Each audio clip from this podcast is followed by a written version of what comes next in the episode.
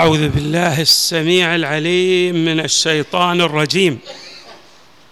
بسم الله الرحمن الرحيم والحمد لله رب العالمين والصلاة والسلام على أشرف الخلق سيدنا ونبينا محمد وآله أجمعين الطيبين الطاهرين.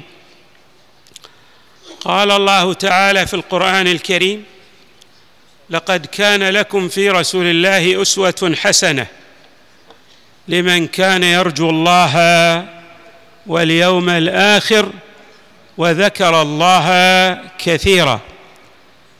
صدق الله العلي العظيم.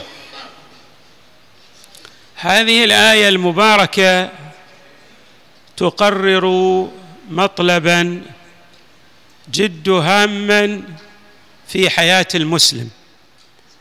ألا وهو ضرورة الاقتداء والتأسي برسول الله صلى الله عليه وآله في هديه. من هنا عني العلماء بهذا الهدي النبوي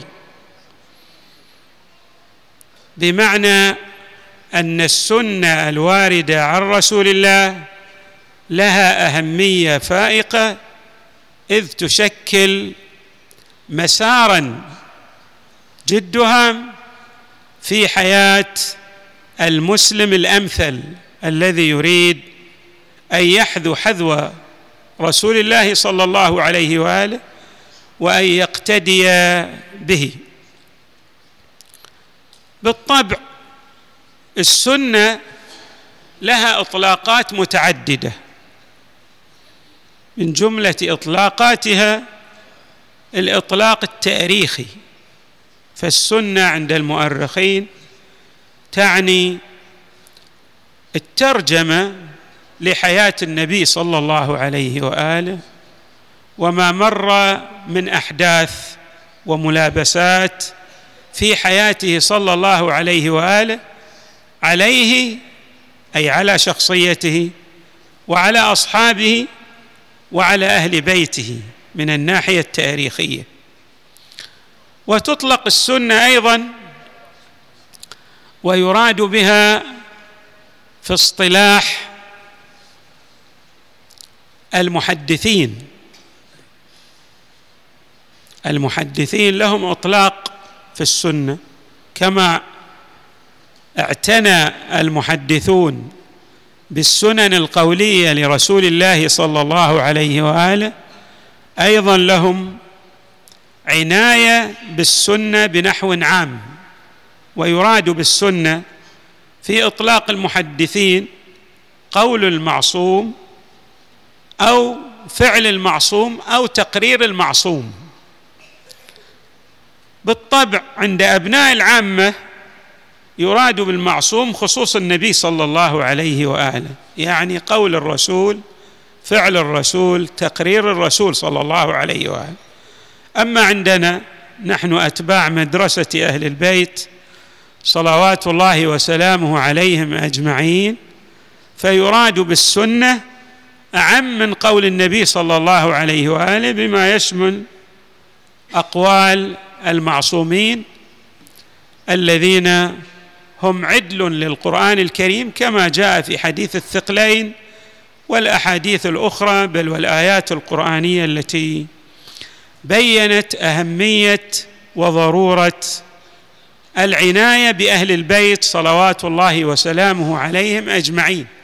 فاذا السنة في اصطلاح المحدثين لها معنى يغاير اصطلاح المؤرخين. أيضا السنة لها إطلاق ثالث يختلف عن الإطلاقين الأولين. بمعنى يراد بها ما جاء عن النبي صلى الله عليه وآله وإن كان واجبا. فيقال هذا فرض وهذا سنة وإن كان واجبا. نحن نعلم مثلا بموجب ما جاء من أحاديث أن النبي صلى الله عليه وآله أضاف على الصلوات الثنائية ركعتين فأصبحت رباعية كصلاة الظهر والعصر والعشاء. هذه الصلوات وردت من عند الله تعالى ثنائية ولكن النبي صلى الله عليه وآله أضاف إليها ركعتين فأصبحت سنة واجبة. فايضا هي في الاصطلاح الفقهي بالمعنى الخاص يختلف عن الاصطلاح الحديثي بالمعنى الآن في الذكر الذي أوردناه. فالسنة ها هنا لها معنى مخصوص بمعنى ما أضافه النبي صلى الله عليه وآله أكان من الواجبات أم من المستحبات مطلقا.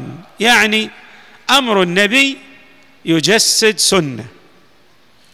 السنة طبعا كما أشرنا لها عناية ولكن الذي يهمنا نحن في حياتنا العامة السنة بمعنى الاقتداء يعني السير على الخطوات التي خطاها المصطفى صلى الله عليه وآله الطاهرين. في الآخذ بهديه والاقتداء به. هذه السنة تشكل لنا معلما جد هام غاية في الأهمية لأن الآية الكريمة التي استهللنا بها الحديث تبين معالم جميلة وهامة في حياة الإنسان. لقد كان لكم في رسول الله أسوة حسنة. لمن؟ لمن كان يرجو الله. الشخص اللي له ارتباط بالله من الأهمية بمكان أن يلتفت إلى الاقتداء برسول الله. لمن كان يرجو الله. بعد والذي أيضا له اهتمام بعالم الغيب بعالم الآخرة. يعلم أن مصيره الأبدي لا يتحدد بهذه البرهة الزمنية المحدودة التي نطلق عليها الحياة الدنيا. هذه ستتقضى متصرمة وستنتهي متلاشية وللإنسان عالم نسميه عالم الخلود. هذا عالم الخلود من كان يؤمن به حري به أن يلتفت إلى سنة رسول الله صلى الله عليه وآله وأن يجسد هذه السنة على شخصيته. لمن كان يرجو الله واليوم الآخر. هناك كثير من الناس يرجون الله واليوم الآخر لكن هناك فئة ممكن أن نطلق عليهم بالتعبير الحديث النخبة. هؤلاء النخبة هم الأماثل وذكر الله كثيرا. الشخص الأمثل أيضا حري به أن يلتفت إلى الاقتداء والأخذ بهدي المصطفى صلى الله عليه وآله. بعض الناس طبعا يظن أنه إذا تقدم في مراتب السير والسلوك فهو لا يحتاج إلى غيره. ولكن كما تشير الروايات أن النبي صلى الله عليه وآله هو قدوة للعالمين جميعا بمعنى حتى الأنبياء والرسل الجميع يقتدي به صلى الله عليه وآله لكونه هو الإنسان أو الأنموذج الكامل الذي اصطفاه الله واجتباه وجعله حجة على العالمين وأخذ ميثاقه على الرسل والأنبياء جميعا. فاذا إذا تعرفنا على هديه صلى الله عليه وآله حري بنا أن نلتفت إلى هذا الهدي. بالطبع هذه السنة لا يمكن أن يدركها عقل الإنسان. يعني أن عقل الإنسان لا يحيط علما وإدراكا بما جاء من السنن عنه صلى الله عليه وآله لأن هذا تلقي من عالم الغيب. كما أشار هو صلى الله عليه وآله إلى ذلك بقوله أدبني ربي فأحسن تأديبي. وكما أيضا أفصح عن ذلك إمامنا أمير المؤمنين عليه السلام بقوله ولقد قرن الله به ملكا من أعظم ملائكته بمعنى أن النبي صلى الله عليه وآله كان مسددا من قبل الله ففي كل حركة وسكون يتحرك تلك الحركة أو يكون ساكنا فعلى طبق الهدي الإلهي. هذا في عقيدتنا كأتباع لأهل البيت عليهم السلام. اذا عقل الإنسان لا يصل إلى إدراك هذه السنن كما أنه لا يدرك العلل من هذه السنن. نحن لا نعرف العلل. من باب المثال هناك تأكيدات متعددة وكثيرة على بعض سنن النبي صلى الله عليه وآله مثلا في مشيه في آداب تعامله مع الناس.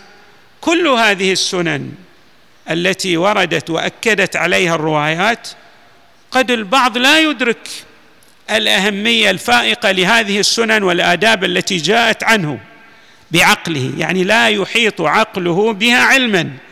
ولكن عدم إحاطة العقل من باب أنه لا يدرك الارتباط بين الأشياء بين بعض الأشياء وبعضها الآخر. لا في الحياة الدنيا ولا ارتباط الحياة الدنيا بعوالم الغيب وعالم الآخرة لأن هذا العالم له ارتباطات كثيرة ولهذا حري بنا أن نأخذ بهديه صلى الله عليه وآله دون أن نبحث عن العلل لذلك الهدي لأن العلل لا تحيط بها عقولنا. إمامنا أمير المؤمنين صلى الله عليه السلام وصلى الله عليه وآله أيضا يقول في هذا المجال يعني في تبيان أهمية الاقتداء والتأسي بالمصطفى صلى الله عليه وآله.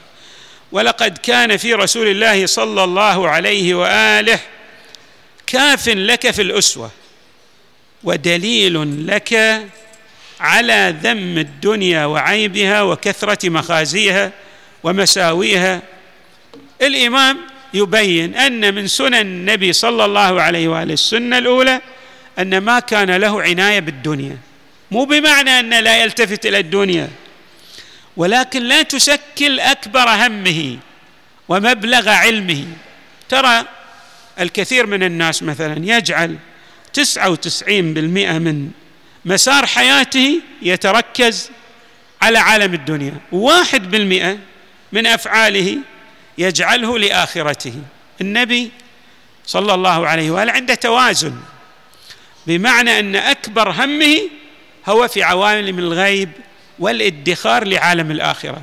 أمير المؤمنين عليه السلام وردت روايات عنه يبين أن من سننه في كيفية الاقتداء به صلى الله عليه وآله الا نجعل الدنيا